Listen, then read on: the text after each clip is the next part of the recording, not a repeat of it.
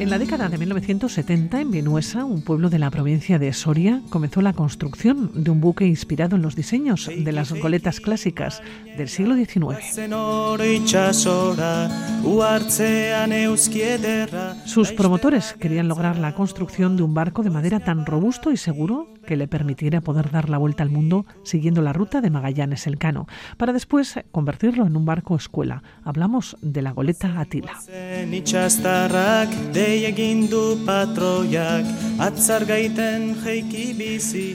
Y a punto de subir a esta goleta se encuentra Xavier Bañuelos en un viaje que va a triangular el Atlántico entre Canarias, Azores para llegar a Bilbao. Los archipiélagos eh, que fueron las escalas en los viajes transoceánicos entre Europa y el Nuevo Mundo.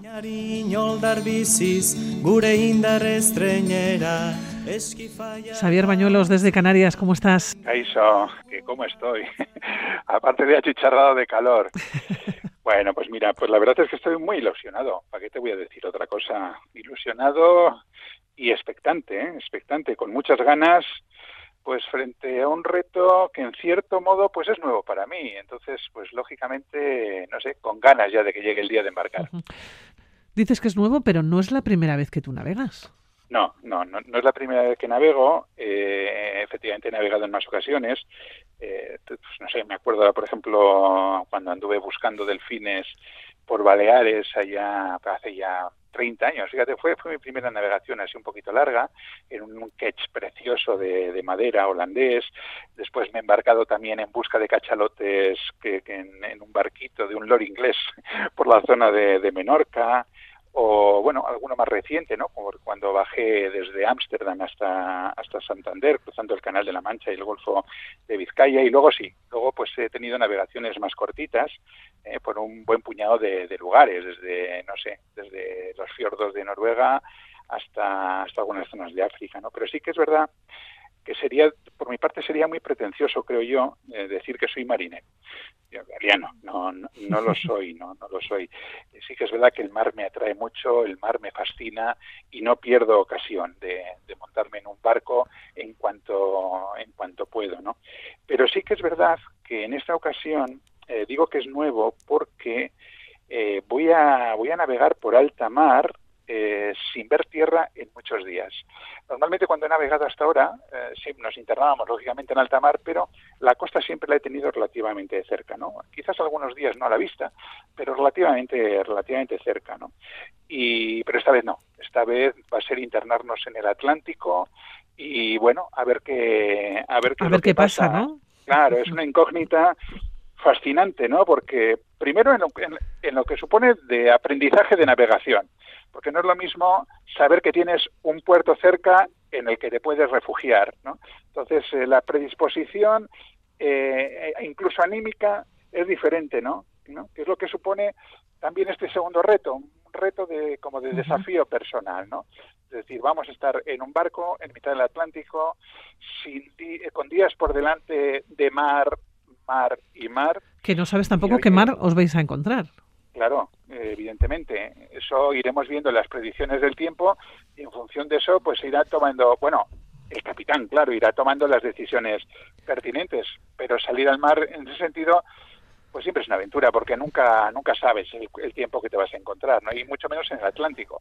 Oye, ¿cómo es la goleta Atila? ¿Cómo es? Porque yo decía al comienzo que la construcción o simula ¿no? un buque pues, inspirado ¿no? en los diseños de las goletas clásicas del siglo XIX. Estamos hablando de un barco de madera, robusto, seguro. Pero ¿cómo es? No simula nada, es así, es así. Pues mira, es una goleta de velacho ¿eh? y es una goleta preciosa. Un navío clásico de, nave, de madera que navega a vela, importante, a mano no tiene, hombre, a ver, tiene lógicamente eh, todo, todo el instrumental de, de, seguridad y demás necesario, ¿no? Pero sí que es verdad que no tiene nada mecanizado, por ejemplo, no sé, a la hora de izar una vela o de mover el timón, es decir, va a ser una navegación totalmente a mano, ¿no? Y como bien dices, es una, es una goleta. Que es, un barco que a mí me gusta mucho, la, goleta. La goleta es, es, es un barco cuyo aparejo está compuesto por lo que se llama velas áuricas, es decir, velas pentagonales eh, que no son las típicas velas cuadras que muchas veces vemos en galeones eh, y demás, ¿no? Entonces, digamos que tiene eh, estas velas, velas áuricas, tanto lo que son las cangrejas, las, las escandalosas y los foques, pero, pero en este caso tiene un par de velas cuadras ¿eh? en, el, en el palo de trinquete, que es el palo delantero, digamos, el que está más cercano a proa. Una que es una vela cuadra, grande, y otra que es más pequeñita, que es lo que se denomina en marinería velacho. Y por eso se dice que es una, es una goleta de velacho, porque combina las dos, eh, en el aparejo combina un poco los dos eh, tipos de, de, de, vela, pero con predominancia del aparejo de de goleta. Entonces, es una goleta de dos palos, nueve velas, 400 metros cuadrados de superficie de vela, eh, una eslora de 31 metros, o sea que ya es grandecito, una manga de 7 metros, un alto en el palo mayor, que es el palo de mesana, es decir, el palo que está más a popa de 25, de 25 metros, y bueno, pues eh, un calado de 3 metros, un desplazamiento... Bueno, es grande la goleta, es muy grande, que es grande la goleta. Bueno, a ver, eh, no, es un barco, yo diría que mediano, ¿eh? No es un gran galeón de estos, eh, pero tampoco es un barquito de vela. ¿eh? Que ya estamos hablando de, una, de un barco de dos palos, eh, sí, de un, de un tamaño ya respetable, que lleva una tripulación normalmente de unas 24 personas, y luego, pues nada, pues los, los típicos camarotes compartidos, abajo, el puente de mando, un timón exterior de rueda, bueno, Oye, ¿cuánta gente os vais a subir a la goleta? ¿Y cuáles son eh, las funciones dentro del barco? ¿Cuántas personas eh, vais a ir de viaje, pero también cuántas personas, evidentemente, eh, son tripulación? A ver, creo que vamos a ir entre 18 y 20 personas. No, sé exactamente el, número. De los cuales cuatro son tripulantes profesionales que son, digamos, los responsables de que aquello funcione. De que todo salga bien, ¿no? Sí. navegue navegue, navegue bien, ¿no? Que son el capitán, que es quien tiene, lógicamente, el mando del barco y quien, quien recae en las decisiones fundamentales, un primer oficial, eh, un maquinista, que es el que se encarga, pues bueno, pues del motor y de, todo lo que las incidencias que puede haber relacionados con lo mecánico. Y luego muy importante, digo esto muy importante porque si se lo preguntas a cualquiera de los tres te va a decir que es el más importante de todo. El cocinero. El cocinero, el cocinero que por lo que me han chivado eh, debe ser eh, bastante bueno y debe preparar unas buenas comidas. Pero fíjate, siempre te dicen, mira, tú puedes guiar el barco, tú puedes dar, pero después de una jornada de navegación en la que muchas veces terminas fatigado, el tener en la mesa una buena comida, eso es fundamental.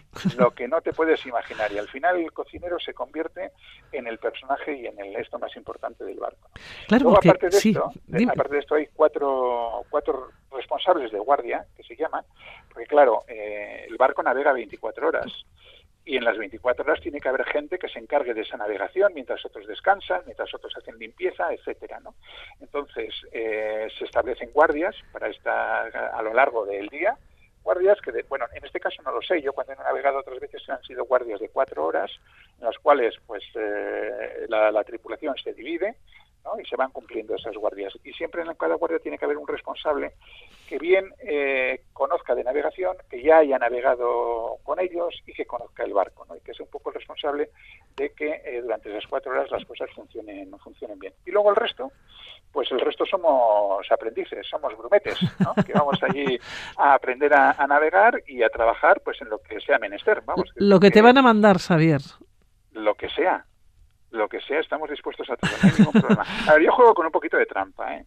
Todo hay que decirlo, porque en realidad eh, a mí me dan una pequeña venia, porque como soy periodista y lo que voy a hacer también es contar lo que, lo que ocurre eh, durante todos estos días de navegación, pues ya me, ya me han dicho, no, no, tú encárgate tú de tus fotos, encárgate de, contarlo. Y bueno, ya, ya irás haciendo cosas, pero bueno, tu, tu función fundamental va a ser esa. De todas formas, yo te diré que no, no voy a perder ocasión tampoco de izar una vela, coger una driza y lo que haga falta. ¿eh? Yo estaba pensando en fregar la cubierta.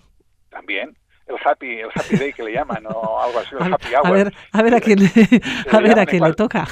no, eh, eh, la tira lo organizado de, de forma que eh, no sé si es una vez a la semana, todo el, toda la tripulación se divide en grupos, a cada grupo le toca una parte del barco y ahí todos dale que te pego a limpiar bien, a limpiar bien el barco. Es muy importante la higiene, la higiene en un barco y que esté siempre en condiciones perfectas, no solamente de limpieza, ¿eh? de limpieza y de mantenimiento, con lo cual, pues bueno, eso, eso lo llevan a rajatabla, así que tocará, tocará. Salís de Canarias, pero antes de, que me cuentes el, el, planning que tenés eh, de viaje, yo decía Canarias, las Azores, para llegar hasta Bilbao, pero antes de que me digas los días que vais a salir, eh, claro, ¿cómo te has metido en esta aventura? ¿Cómo me he metido en esta? Pues de la forma más tonta. Quiero decir, como suelen ser estas cosas maravillosas, ¿no? Eh, fíjate, estuve con la gente de, de la Tila eh, un día ahí en el, en el, Museo, que es donde tiene el Museo de la Ría de Bilbao, al lado del puente Euskalduna, que es donde tiene la base, y nada, charlando con el capitán, charlando y charlando y charlando, eh, tanto charlamos que al final me terminó diciendo, ¿y por qué no te embarcas? Y yo le dije, a ver, no me lo repitas dos veces. Y me dijo que sí, que sí, puedes embarcarte porque eh, estaría muy bien, sería muy buena idea que vinieras y, bueno, pues que contaras un poco la experiencia, ¿no? Y yo, joder, pues fantástico. Y así fue, así fue, ¿no? Entonces, pues bueno, eh, como yo no pierdo ocasión, como te he dicho antes, de, embarcarme si puedo y de disfrutar de las olas del mar allí en, no sé, en el Baupres, ¿no? O, en el, o colgado allí en el, en el guardamancebos, ¿no? Que es esa, esa red que está en proa colgando de, del Baupres, pues mira, la verdad es que, bueno, pues que les dije que, que sí y ahí estamos, ¿no? Aparte que era muy interesante, ¿no? Porque tú has dicho antes, los dos archipiélagos que era la escala entre el Nuevo Mundo y, el, y la vieja Europa. ¿no? Claro, tiene, este, tiene este interés histórico también para mí. Es decir, eh, yo ya conozco las Canarias, ya conozco los Azores, pero eh, no conozco ni todas las Canarias ni todas las Azores. Y aparte que en este caso vamos a hacer escala en San Miguel, porque yo de las Azores conozco sobre todo la parte central del archipiélago. Eh, San Jorge, Terceira, Pico, pero no había estado en San Miguel, con lo cual es muy interesante, ¿no? Y bueno, hacer todo este, este recorrido, ver cuáles eran y estudiar un poquito más a fondo eh, todo, bueno, pues todo lo referente a los viajes transatlánticos, ¿no? Que empiezan en el siglo XV, pues para mí era muy, muy atractivo. Oye, claro, pues desde el punto de vista de navegación, lo que he comentado antes. ¿Dónde está el barco ahora? Porque tú estás en Canarias, estás esperando en Mancarte. Sí, eso es. Yo me, he adelantado un poco para, bueno, tener unos días también de descanso de la tralla que, he tenido anteriormente y, bueno, ir estudiando un poquito, ¿no? Porque, por ejemplo, hay que estudiar pues toda la, toda la terminología eh, marinera en inglés, eh, ir haciéndome un poco pues con los distintos eh, rudimentos de lo que es eh, la vida en, en, la goleta y demás. Entonces, yo me he adelantado. Ellos han salido de Cádiz hace varios días y nada, ahora mismo están rumbo, rumbo a Tenerife no sé exactamente el día el día que llegan, no sé si van a estar unos días navegando las, las islas y luego ya llegará el día en que nos embarquemos para enfilar ya rumbo, rumbo a Azores. Rumbo a Azores, eh, que establecemos de nuevo contacto contigo para que nos cuentes, ¿no? Cómo van las cosas y cómo, cómo está siendo, porque nos has hablado de las comidas, eh, eh, el idioma a bordo, ¿en inglés? Claro, en el Atila no siempre, pero sí, la mayoría de las veces lleva tripulación internacional.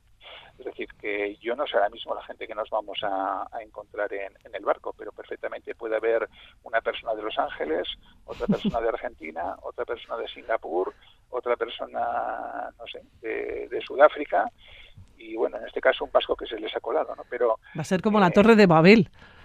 Claro, entonces tiene que haber una lengua franca eh, y en estos tiempos pues la lengua franca es el inglés. Eh, es un inglés normalmente sencillo, ¿eh? para que todo el mundo podamos entendernos bien, pero, pero el inglés, claro. ¿Miedo a las tempestades o no? Miedo, no. Respeto, todo, pero miedo no, ninguno. Si tenemos alguna tempestad por el camino, eh, ya te contaré. te digo, porque la verdad es que yo siempre que he navegado he tenido mucha suerte en ese sentido eh, siempre han sido navegadora, navegaciones bastante plácidas.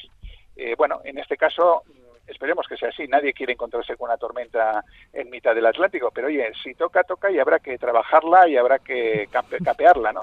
Bueno, y, se lo contaremos aquí. porque todavía no he tenido la experiencia, pero bueno, quién sabe, si toca, la contaremos.